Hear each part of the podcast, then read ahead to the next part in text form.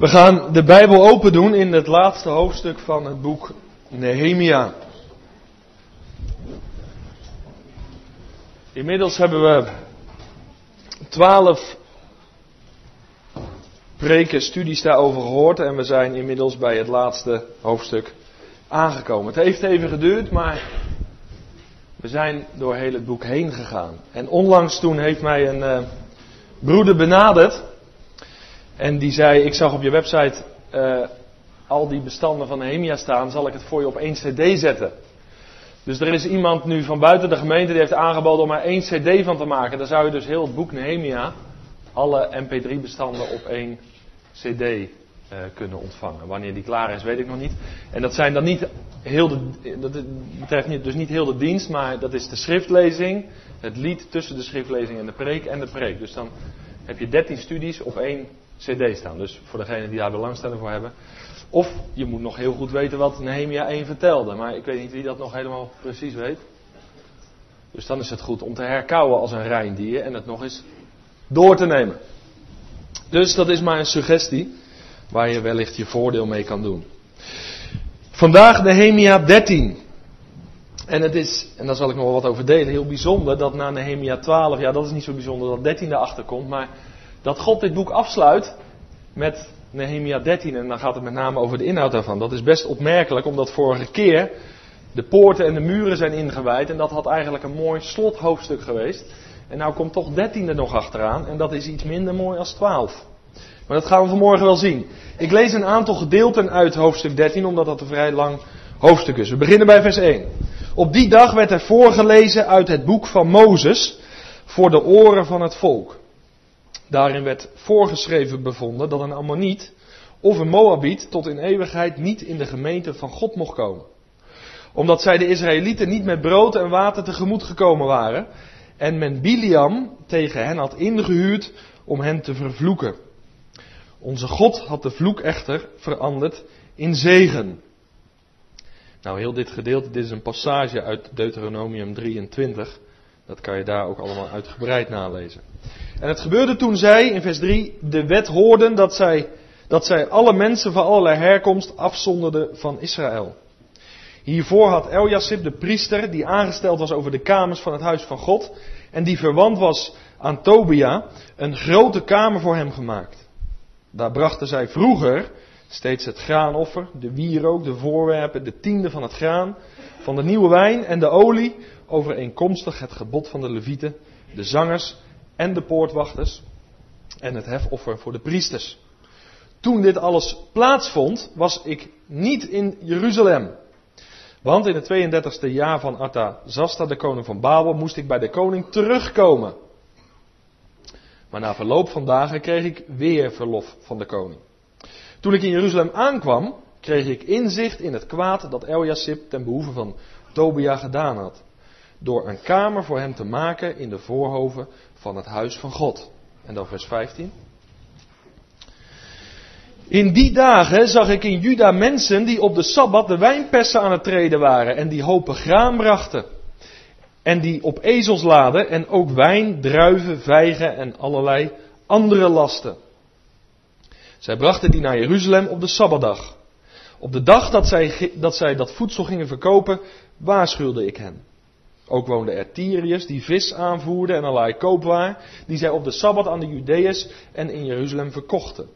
Toen riep ik de edelen van Juda ter verantwoording en zei tegen hen, wat is dit voor een wandaad die u verricht, waardoor u de Sabbatdag ontheiligt? Deden uw vaderen niet evenzo? En dan vers 23. Ook zag ik in die dagen Joden die Asdoditische en Ammonitische en Moabitische vrouwen bij zich hadden doen wonen. Hun kinderen spraken voor de helft Asdoditisch en ze konden geen Judees spreken. Maar spraken overeenkomstig de taal van elk volk. Ik had oneenigheid met hen en ik vervloekte hen en ik sloeg sommige mannen van hen en trok hun de haren uit. Ik liet hen zweren bij God, u zult uw dochters niet aan hun zonen geven. En van hun dochters niemand voor uw zonen. Of voor zover, of voor u zelf nemen. Is het niet met betrekking tot deze dingen dat Salomo de koning van Israël gezondigd heeft. Terwijl er onder veel heidevolken geen koning was zoals hij. en hij zijn God lief was en God hem tot koning gesteld had over Israël, ook hem deden de uitheemse vrouwen zondigen. En dan tenslotte vers 31b, een gebed. Denk aan mij, mijn God, ten goede. Nehemia moet dus na die geweldige inwijding weer dingen recht gaan zetten in hoofdstuk 13. En neem deze vraag even mee. Waarom moet het boek Nehemia nou op deze manier eindigen en eindigt het niet met de inhoud van 12? Dat heb ik me afgevraagd in de voorbereiding. Kon het niet in de lofprijzing eindigen en in de inwijding? Moet er nu toch een soort negatief stempel op die herbouw komen? Dat heeft ons iets te zeggen vandaag. Nou, daar willen we met elkaar over na gaan denken. We gaan eerst nog zingen. Het zijn allemaal een beetje strijdliederen vanmorgen, dat heb je wel gehoord. We gaan verder met opwekking 43. In Gods overwinning trekken wij ten strijd samen in zijn leger, hem ten dienst gewijd. Opwekking 43. En ondertussen wordt er dan gecollecteerd. De eerste collecte is bestemd voor de gemeente. En de tweede collecte is voor Stichting Open Doors. En deze stichting hoef ik niet nader toe te lichten, denk ik. Van harte aanbevolen. En we collecteren onder het voorspel.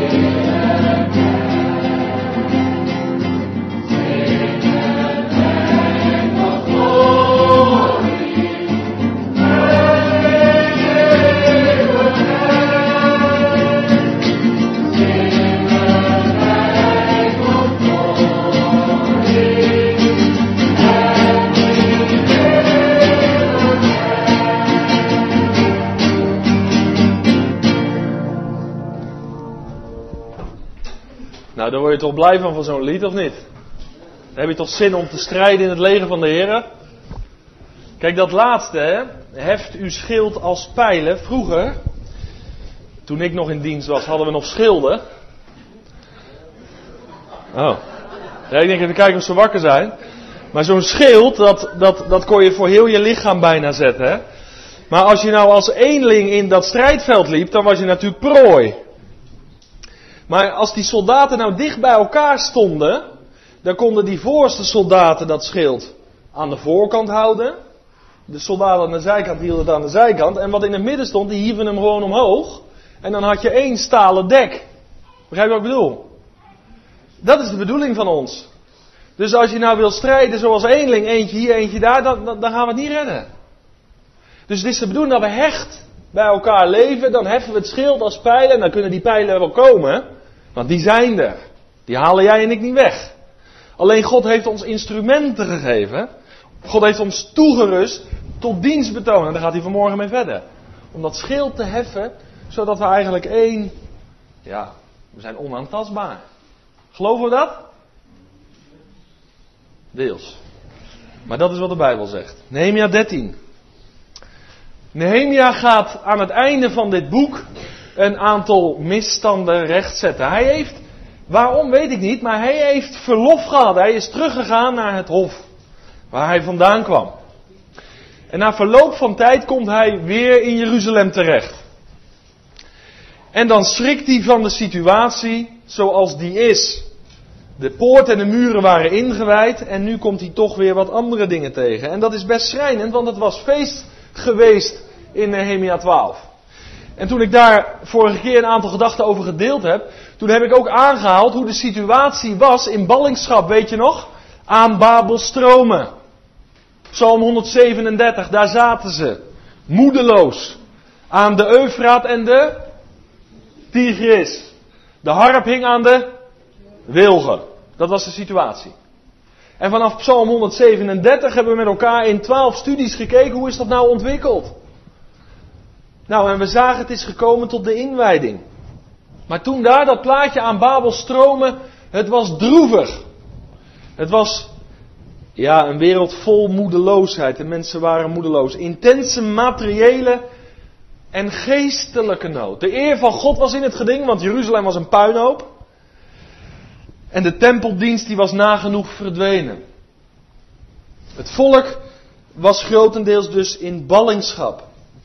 Maar door het ingrijpen van de God van Abraham, Isaac en Jacob was er opwekking gekomen. Een geestelijk ontwaken. En dat hebben we in twaalf studies gezien, hoe dat, hoe dat door strijd, moeite en aanvechting heen is gegaan. Maar we lazen op een gegeven moment in een van de hoofdstukken dat de muur werd voltooid. Het volk was onder leiding van Nehemia aan de slag gegaan, biddend wel te verstaan. Ze hadden zich verootmoedigd, ze hadden schuld beleden. Niet alleen van hij heeft het verkeerd gedaan, nee, maar wij en onze vaderen. Ze kwamen op de knieën terecht, dat is altijd de weg waarin God opwekking gaat geven. Verootmoediging. Dus als je de kracht van God in je leven wil ervaren, dan is de sleutel verootmoediging voor God. Buigen voor Hem, eerlijk worden voor Hem, zodat de stroom van levend water weer door je heen kan stromen. En het volk bekeerde zich. Ze waren biddend gaan bouwen en ze waren bouwend gaan bidden. Dat is de sleutel. Het is nooit het een of het ander. Mensen die alleen op hun knieën liggen is mooi, maar dat er moet ook een daad bij komen.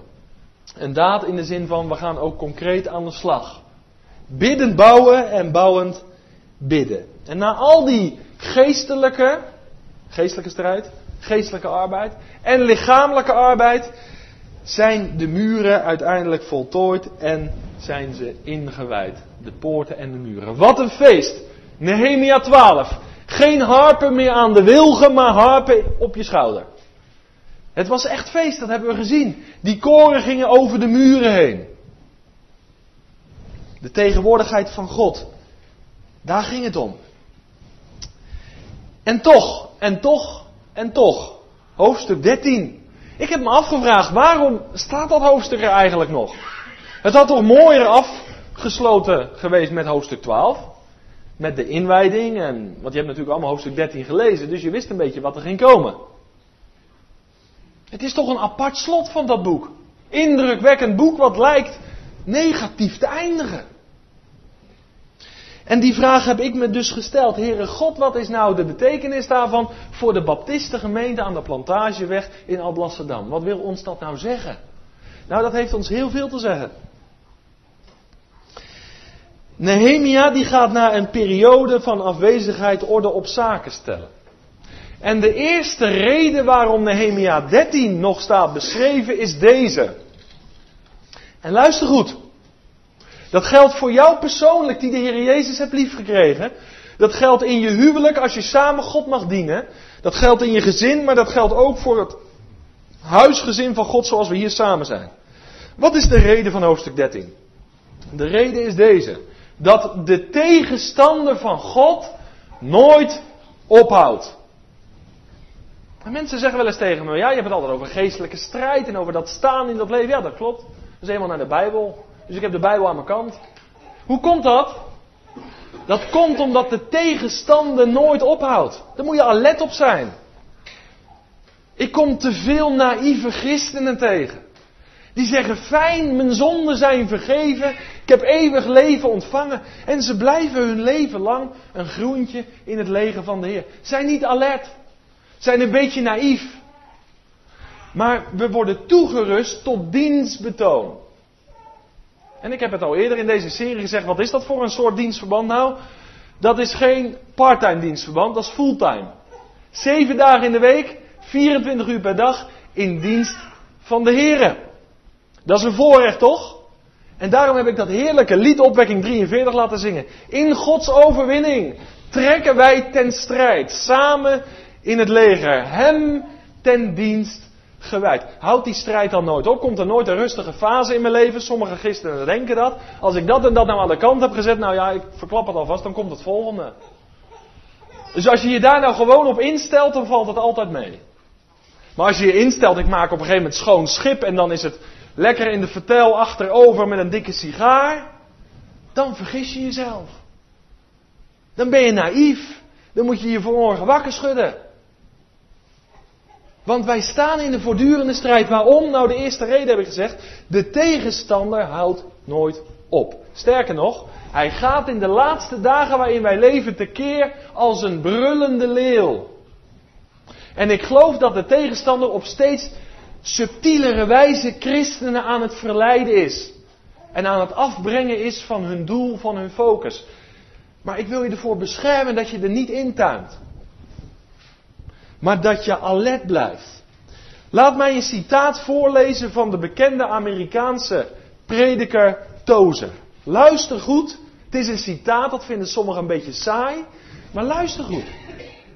Hij zegt dit. In de begindagen, en even in het kader van geestelijke strijd. In de begindagen, toen het christelijk geloof een overheersende invloed uitoefende op het denken in Amerika, zag men de wereld als een slagveld. Onze voorvaders, ook hier, die geloofden in de zonde.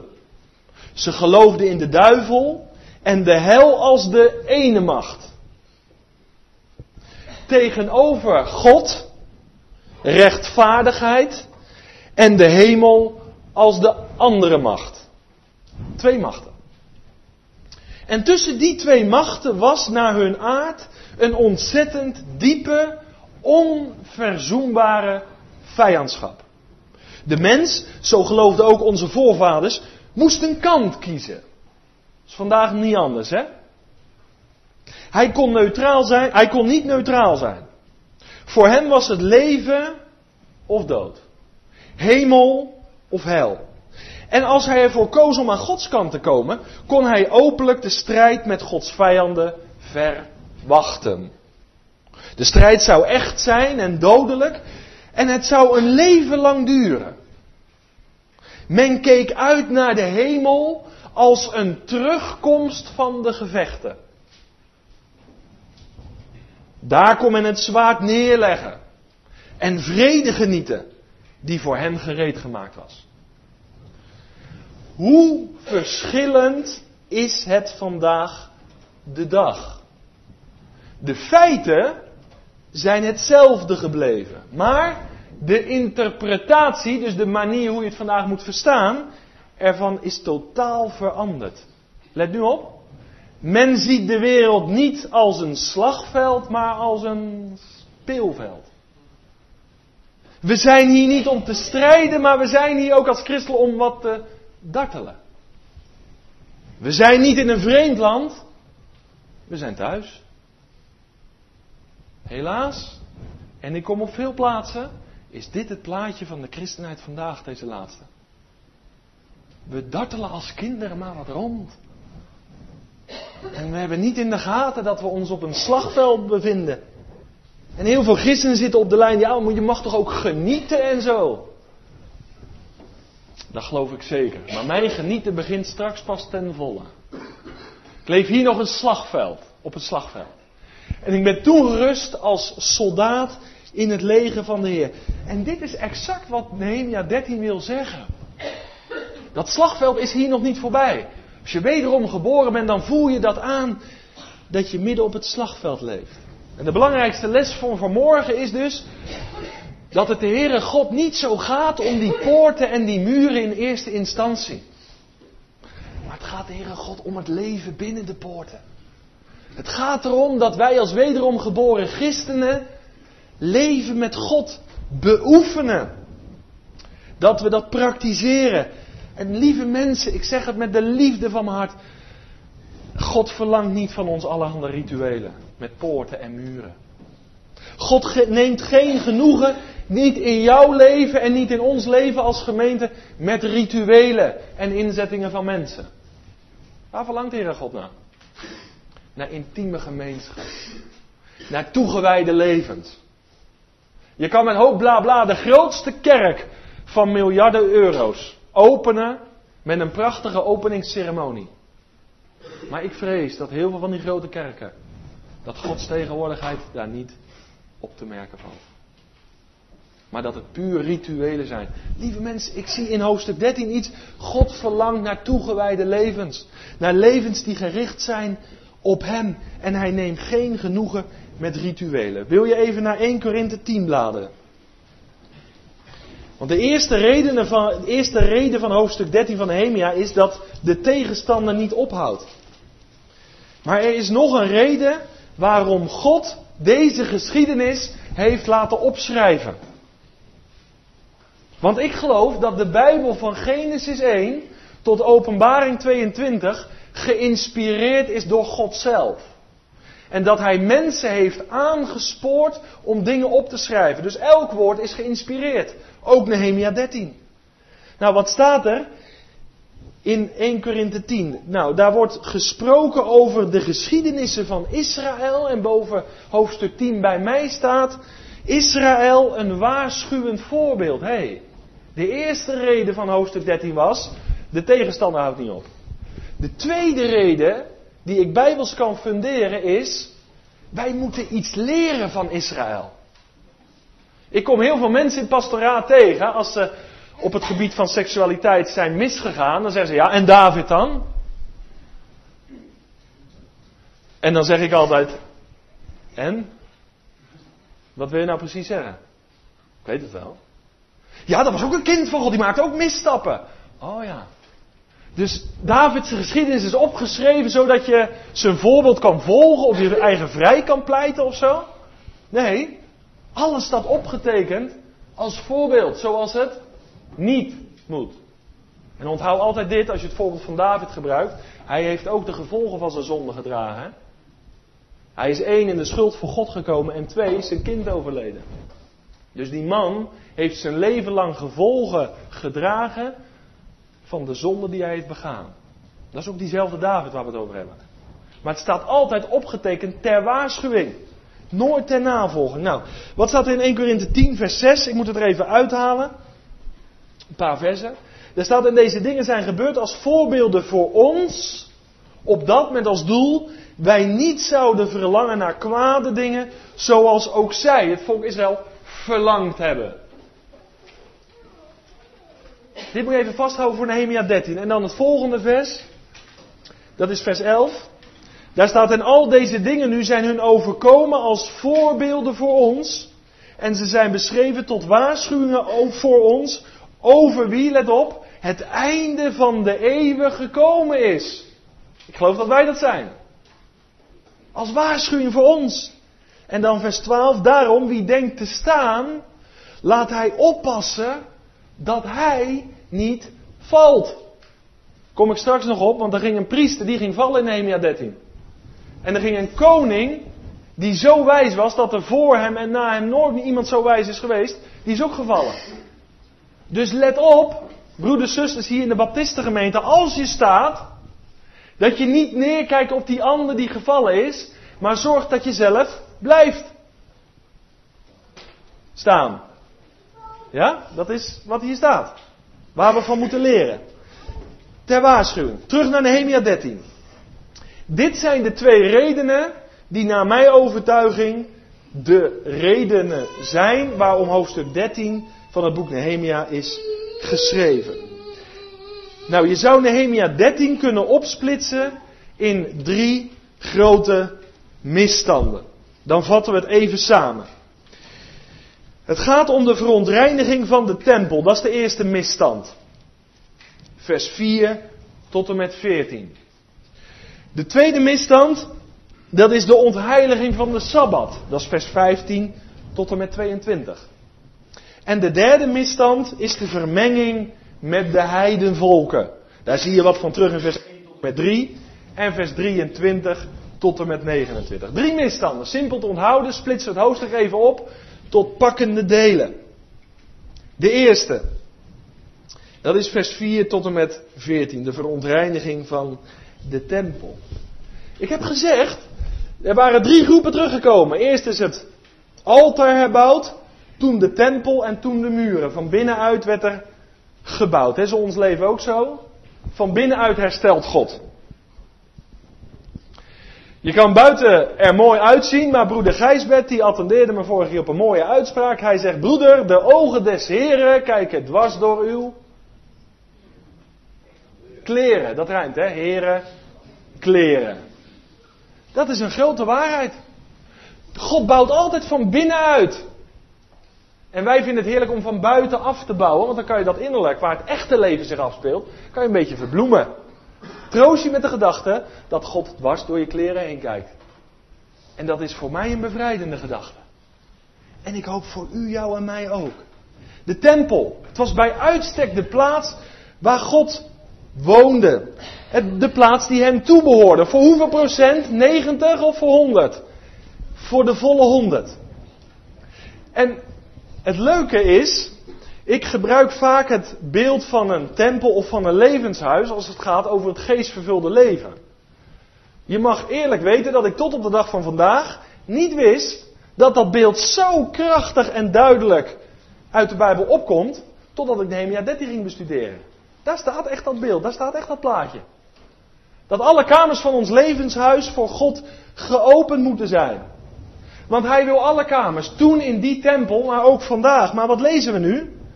Let goed op, nota bene Eliasib, de priester, die heeft een kamer beschikbaar gesteld aan Tobia. De tempel, de plaats waar God woonde, zijn heerlijkheid, de plaats die hem toebehoorde, niet voor 90, maar voor 100%. Daar zegt de priester Eliasib van, Tobia, je mag best een kamer in dat heiligdom hebben hoor. Zet je spulletjes erin, haal ik die van mij eruit. En dan vul jij hem gewoon. Nou, we gaan even kijken, wie was dat? Tobia. Blader is in hoofdstuk 1.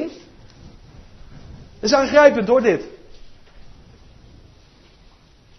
Als je in hoofdstuk 1 leest, dan maken we kennis met Tobia. Was het een vriend van God? Vraag het me af.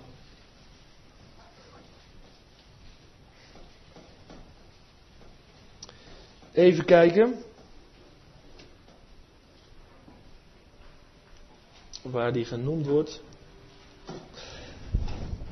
Ja, hoofdstuk 2, sorry, vers 10. Toen Samballa de Horoniet en Tobia, de Ammonitische dienaar, dat hoorden, was het volstrekt kwalijk in hun ogen dat er iemand gekomen was om het goede te zoeken voor de Israëlieten. Dat is hem. Dus Nehemia die het goede voor Israël zocht, dat geloof je toch bijna niet? Een man van God. Die heeft de boel op de rit gezet, muren ingewijd en nota bene een priester zegt tegen degene in wiens oog het volstrekt kwalijk was dat dat gebeurde. Joh, kom binnen. Hoe meer zielen, hoe meer vreugd. Kom het heiligdom binnen. Wil je nog een tekst? Moet je naar hoofdstuk 2 gaan, het negentiende vers. Komen ze weer naar voren. Maar Samballah, de Horoniet en Tobia, de Ammonitische dienaar en Gezem, de Arabier, hoorden dit en bespotten en verachten ons. En ze zeiden, wat is dit voor iets? Wilt u tegen de koning in opstand komen? Dit is weer diezelfde Tobia. Hij spotte ermee. En nou zit hij nota bene in het heiligdom. Ik, ik hoop dat je het een beetje meemaakt voor jezelf. Deze man hebben ze binnen het heiligdom toegelaten. En dan hoofdstuk 4, de laatste tekst die ik wel even wil zeggen. Daar komt hij weer openbaar als een grote spotter. Nu wordt hij alleen genoemd. Hoofdstuk 4, vers 3. En Tobia de Ammoniet stond naast hem en zei: Ook al bouwen ze. Moet je, moet je de bespotting horen? Als er slechts een vos opklimt, maakt hij een bres in hun stenen muur. Is het een vriend van God of een vijand? We stellen vast, het is een vijand. En die vijand van God heeft een kamertje in het heiligdom gekregen. Welkom thuis. Dit gaat toch boven je denken uit, of niet? Heb je twaalf hoofdstukken. De strijd en de inzet van het volk en van Nehemia gezien. En in één keer staat die spotter van het begin. Die, die, zit, die zit zo in het heiligdom. Een vijand. Toegelaten door iemand die in priesterdienst stond. Ik hoop dat je de lijnen voor je eigen leven even door gaat trekken. Dit is heel aangrijpend. Tobia was een vijand. En wat was nou het oorspronkelijke doel van die kamer? Want dat is interessant, dat lees je in vers 5 van Nehemia 13. Want kijk, je zou zeggen, nou als dat kamertje nou toch leeg staat, dat is ook zonde. Toch? Kan je weten wat mee doen? Nee, nee, nee. Dat had een doel, dat had een taak. Want in vers 5 lezen we, een grote kamer voor hem gemaakt. Daar brachten zij vroeger. Hé, hey, dat kamertje had gewoon een bestemming. Want daar stond het graan, de wierook, de voorwerpen, de tiende van het graan, van de nieuwe wijn en de olie. Overeenkomstig het gebod voor de levieten, de zangers en de poortwachters en het hefoffer voor de priesters. Hé, die kamer die was gewoon bestemd. Die had een bestemming. En nu, door die vijand van God, die heiden, gaat de bestemming van dat kamertje af. Althans, de bestemming volgens het gebod van God. Nou, moet je daar nou zo ingewikkeld over doen, Jacques? Ja, daar ook heel ingewikkeld over. Want, want weet, je, weet, je wat, weet je wat dit voor dingen waren? Dit was de voorraad voor de dienst van God. Hier stond de voorraad. En, en hier stond het levensonderhoud voor de priesters. Dus het goede, gode welgevallige, wat ertoe moest bijdragen dat de dienst functioneerde, dat de eredienst aan God centraal stond, dat de priesters konden eten en drinken. Dus eigenlijk werd heel het tempelbedrijf, de uitoefening van de eredienst aan Yahweh, die, die werd hier gewoon de nek omgedraaid. Of niet? Dat is waar die spullen voor gebruikt werden. Dus het goede eruit en de vijand erin. En wat lees je dan? De levieten die waren er ook weggegaan, want die gingen nu werken voor hun eigen levensonderhoud. Dus de levieten die besteden veel minder aandacht aan de dienst van God. Want er was niks meer te eten. Of minder. Er waren geen inkomsten. Dit is heel aangrijpend. En nou even naar ons leven. Ik heb meerdere keren gezegd, niet ik, maar Paulus zegt het in de Korinthebrief.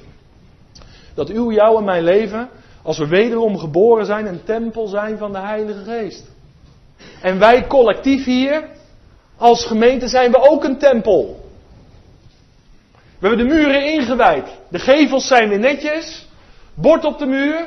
Maar lieve mensen, God zoekt niet naar rituelen.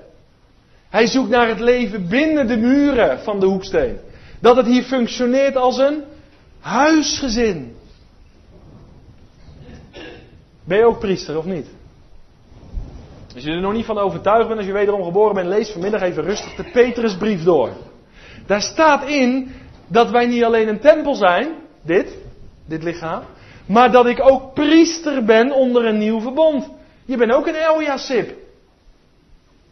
Nou, nou wordt het een beetje heet onder de voeten misschien. Hè? Want die Eliasib, die priester, die had tegen Tobia gezegd: Kom binnen joh, ik haal mijn spulletjes weg. En jij zet ze erin. Mag ik eens vragen? Het moment dat je tot geloof gekomen bent. Misschien ben je wel naar voren gegaan, ik weet het niet. Maar toen heb je alle kamers van je levenshuis opengezet, toch? Misschien met de herbouw hier, dat het weer groeide, de gemeente hier werd er blij van, maar we zijn nu een poosje verder. We zijn aan het einde van het boek Nehemia gekomen. Hoe is jouw toewijding vandaag?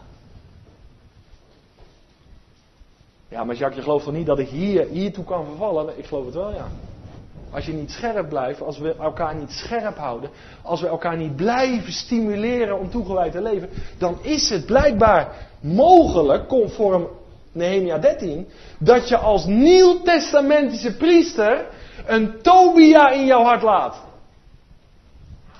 En mijn vraag is vanmorgen, brand je nog steeds voor de Heer Jezus?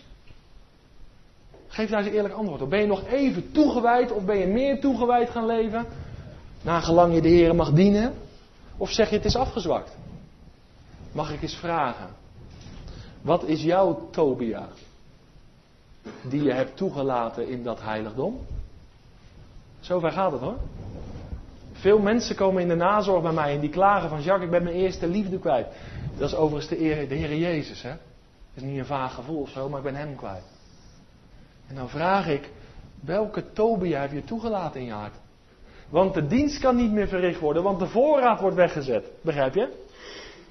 Je hebt de voorraad weggedaan. Als je je voedt met goede tijden, slechte meiden, dan raakt de voorraad om God te dienen op. Als je je inlaat met, met, met allerlei roddel en achterklap, met negatieve dingen, met leugen, dan moet je niet denken dat de priesterdienst aan hem in deze tempel voorspoedig zal zijn. Mijn vraag is vanmorgen, vraag je eerlijk af, welke Tobia heb jij toegelaten? Heeft u toegelaten?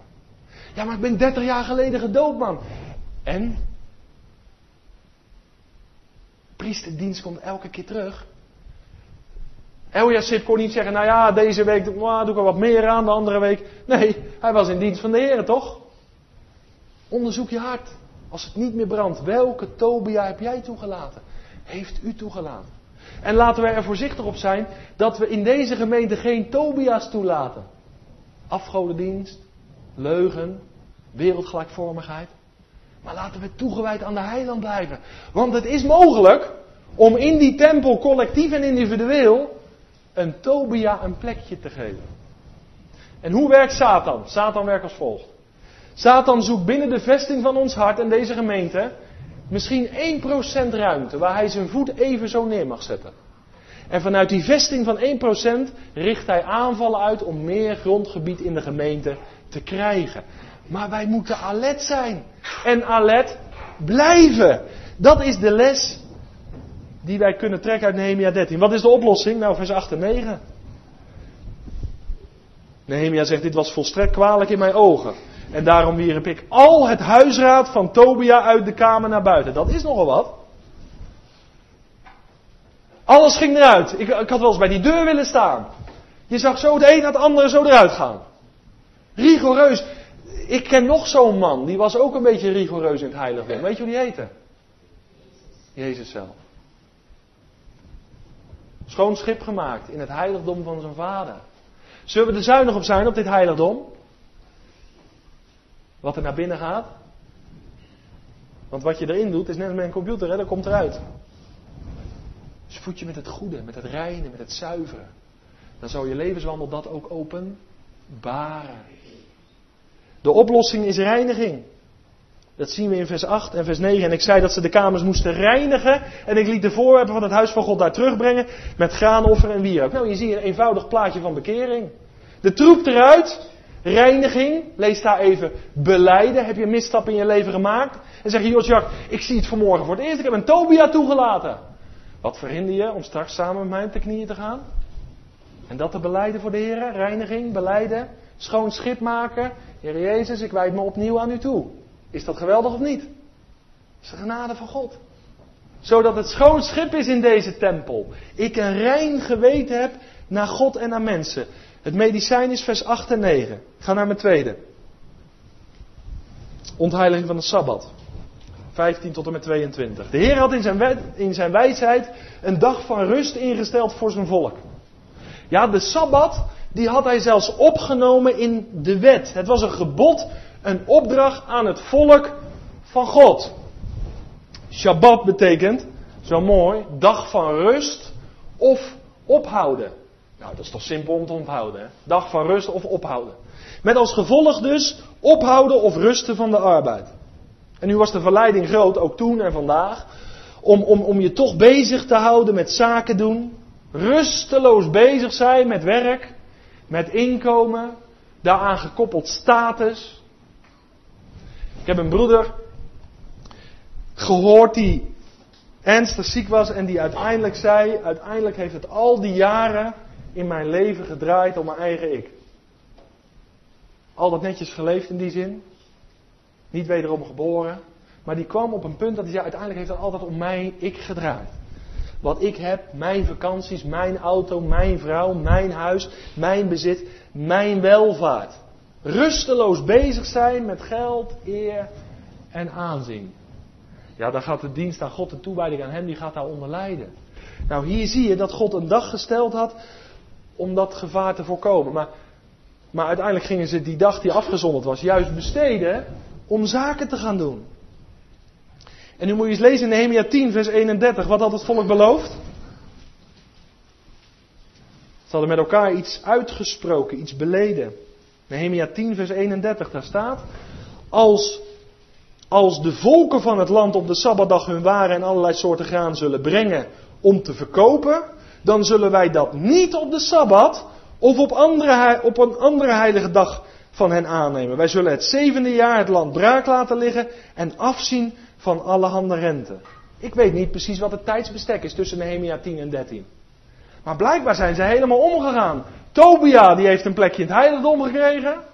En die Sabbats hadden zich uitgesproken, nee dat zullen we niet doen. En hier, Nehemia komt terug na verlof. En hij, en hij ziet die toestanden en ze doen het tegenovergestelde. De inzetting van God overtreden ze. Hoe zit dat voor ons vandaag? Als Nieuw-Testamentische gemeente? Ik geloof op grond van Romeinen 14, vers 5 en 6, ik noem het er allemaal maar even bij. En op grond van Colossense 2, vers 16 en 17, dat voor ons nieuwtestamentische gelovigen, priesters onder het nieuwe verbond, niet een nieuwe wet is gekomen. Van het Sabbatsgebod. Door het geloof zijn wij de Sabbatsrust reeds ingegaan. Er blijft dan een rust over voor het volk van God. Hebreeën 4. Dat is ons plaatje vandaag. Alle dagen zijn wat mij betreft gelijk. Gelukkig zegt Paulus dat en mag ik hem naspreken. Maar wat is dan de wet waar wij mee te maken hebben? Nou, blader is naar Matthäus 22.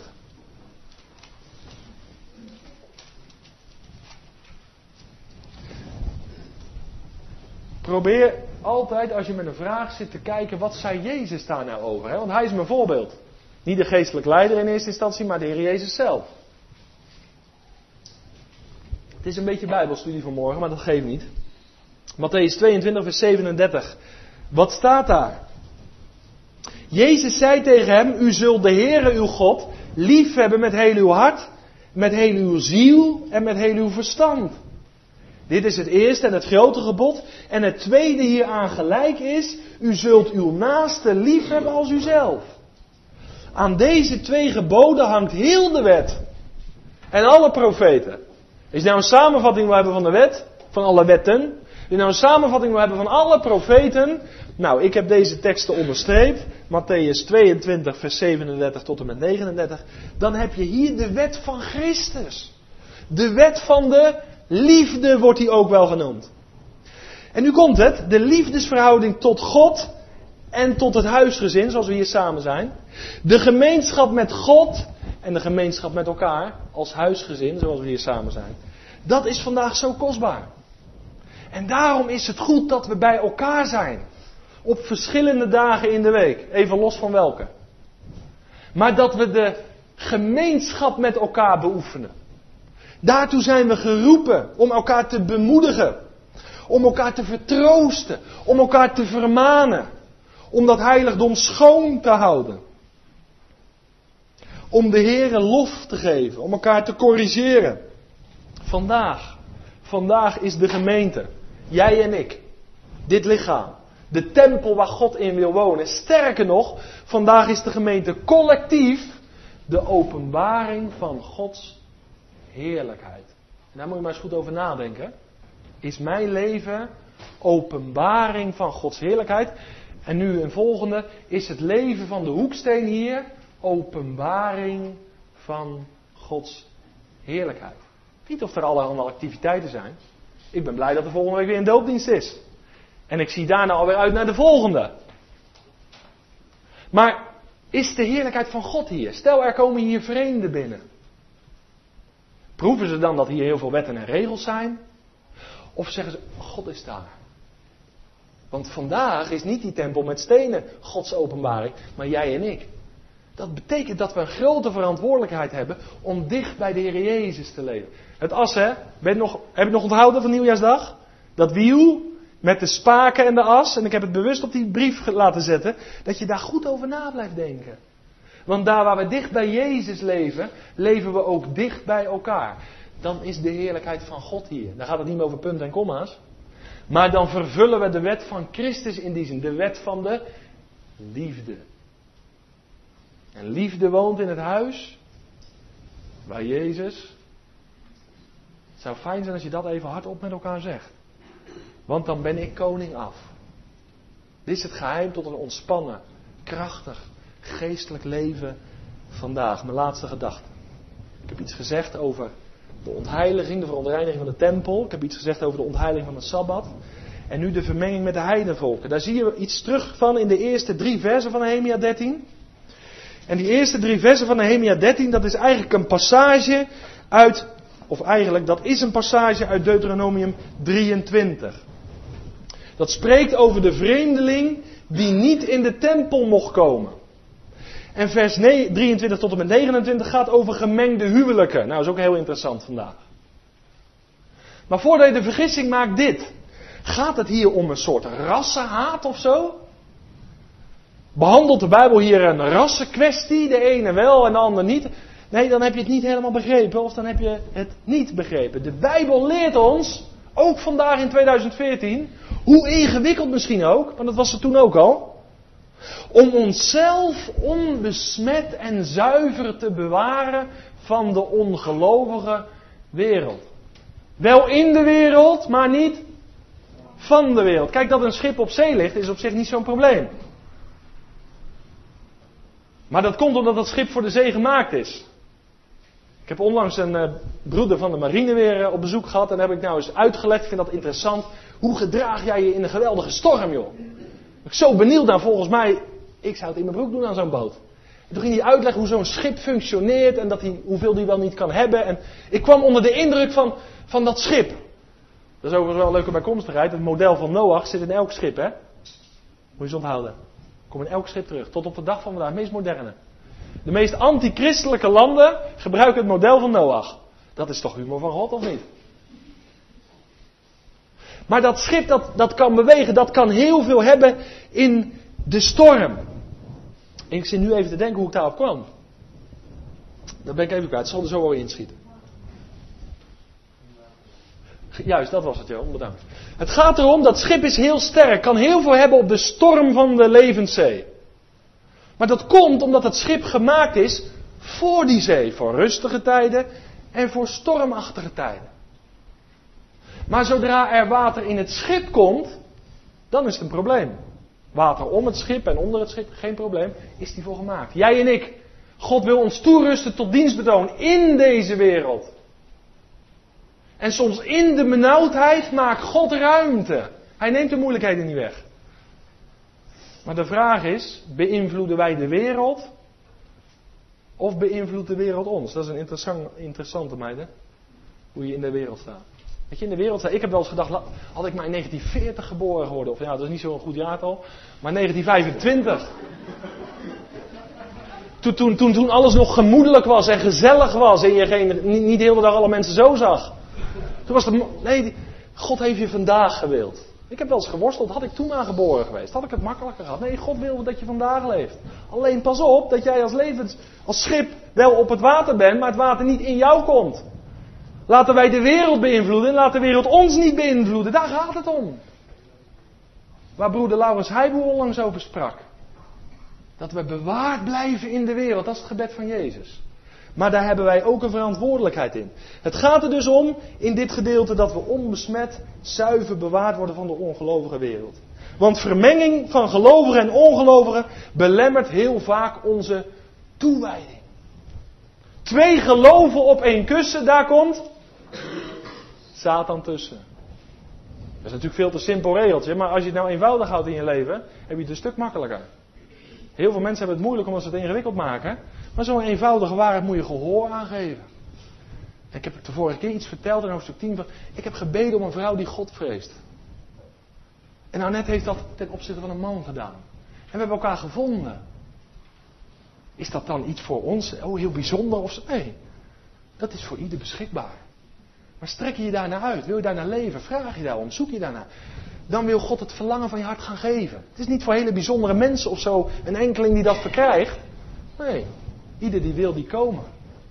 Maar is het het verlangen van je hart? Daar gaat het om. Vermenging is onlosmakelijk verbonden met moeilijkheden en strijd. Verschillende gedachten in opvoeding, wel of niet. Je kan zoveel dingen voorkomen. En daarom jongelui, zoek een jongen, zoek een meisje die God vreest. Ja, dat is zeker iemand uit stenen tijdperk dan of zo. Nee, helemaal niet.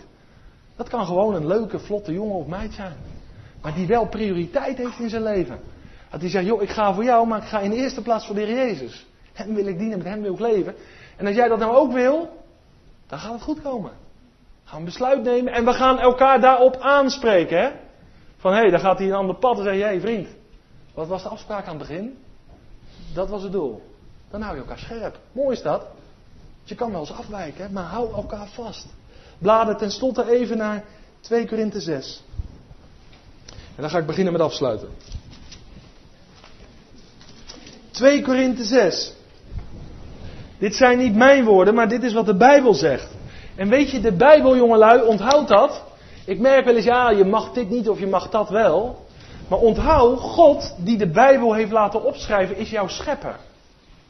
Zou hij voor zijn schepsel niet het beste weten wat nodig is? Dus je moet zo'n vermaning die ik vanmorgen meegeef, niet moeilijke man altijd joh. Nee, dit is gewoon het beste voor je. Hiermee kom je tot bloei. Als we allemaal ons plekje binnen het lichaam gaan innemen, maar ook de positie van man en vrouw. Ik begrijp heel de discussie niet. Dat vrouwen gelijkwaardig willen zijn aan mannen, of hoe je dat ook benoemt. God heeft ons allemaal een plek gegeven. En de schepper, de architect, die weet hoe jij tot bloei komt.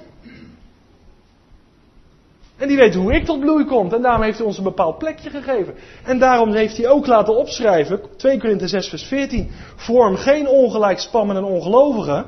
Want wat heeft de gerechtigheid gemeenschappelijk met wetteloosheid? En welke gemeenschap is er tussen licht en duisternis? God wil je tot bloei laten komen. Nou, dit is één aspect waardoor die bloei bevorderd kan worden. Geen ongelijk juk aangaan met een ongelovige. Dat voorkomt heel veel problemen in je leven. En om het plaatje compleet te maken, noemt Nehemia in hoofdstuk 13 Salomo. Er is voor Salomo niemand zo wijs geweest als hij. En zelfs degene met de meeste titels in 2014 is volgens de Bijbel niet zo wijs als Salomo. Dat geloven we bijna niet natuurlijk. En toch is het zo. En Nehemia, die neemt Salomo in hoofdstuk 13 als voorbeeld. Zelfs die koning, die is gevallen. En die heeft daar de gevolgen van gedragen. Want wat lezen we van hem? Dat is belangrijk om juist hem tot je te nemen, om die geschiedenis tot je te nemen. Is het niet, in vers 26 hoofdstuk 13, is het niet met betrekking tot deze dingen, dat Salomo de koning van Israël gezondigd heeft? Terwijl er onder veel heidevolken geen koning was zoals hij, en hij zijn God lief was en God hem tot koning gesteld had over Israël. Ook hem deden de uitheemse vrouwen zondigen. Die wijze man is omgegaan door een vrouw. Die sterke Simpson, hè? Die Hebreeër, die Nazireeën gods. Eén vrouw. Ik denk dat die drie keer zo breed was als ik. Een stoere vent als je hem in de kinderbijbel ziet. Ik weet niet of ik die plaatjes moet geloven, maar je zou een blokje omlopen. Die sterke vent is omgegaan om één vrouw. En dat is ook een opdracht voor de zusters. Blijkbaar zit er in jullie heel veel kracht. Blijkbaar kunnen jullie iets losmaken in mannen wat de sterkste beer om moet gaan. Dus je moet voorzichtig daarmee zijn. En daar geen misbruik van maken. Je moet een man een man gods laten zijn. En hem daarin stimuleren. En hem niet stimuleren in het verkeerde. Jullie hebben ook een taak. Ik heb ook een taak om mijn vrouw te laten bloeien en groeien. Maar zo moeten we leren waarvoor we bestemd zijn. Dat is heel belangrijk. Simpson is omgegaan en hier zien we Salomo. Had duizend vrouwen. Je weet toch van gekkigheid niet waar je moet beginnen. Maar begrijp je, die wijze man heeft zich laten misleiden. Maar onthoud wel dit. Hij is in duisternis gestorven.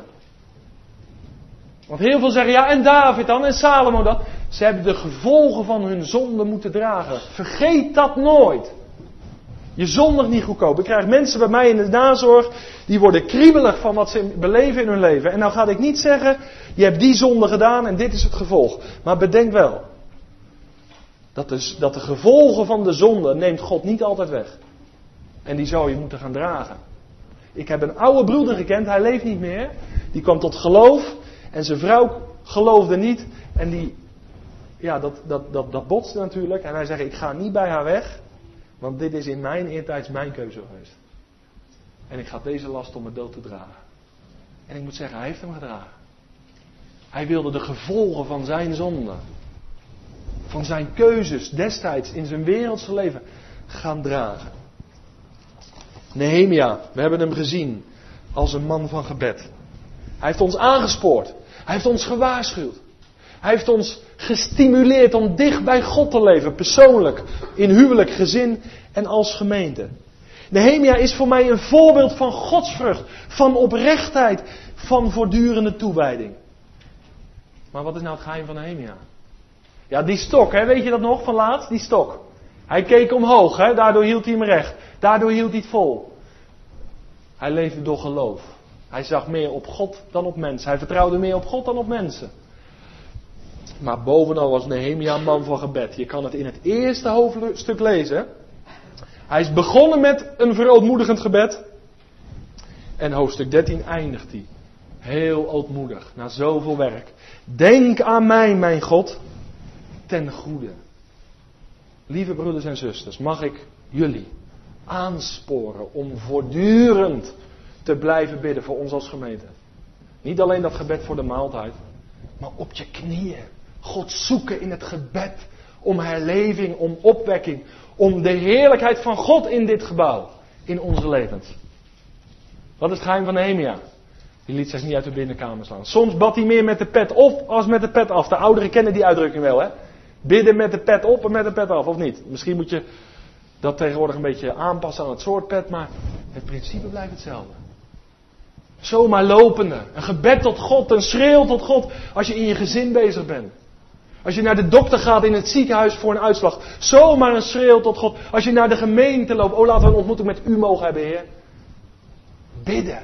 Volhardend bidden. Uitzien en opzien naar wat God gaat doen. En het was Jezus zelf, die sprak in Lucas 18 een gelijkenis. Met het oog daarop dat men altijd moet bidden. En niet de moed verliezen. Dit is de weg tot een krachtig geestelijk leven, persoonlijk en als gemeente. Dit is de weg. Wandel in dezelfde. Amen.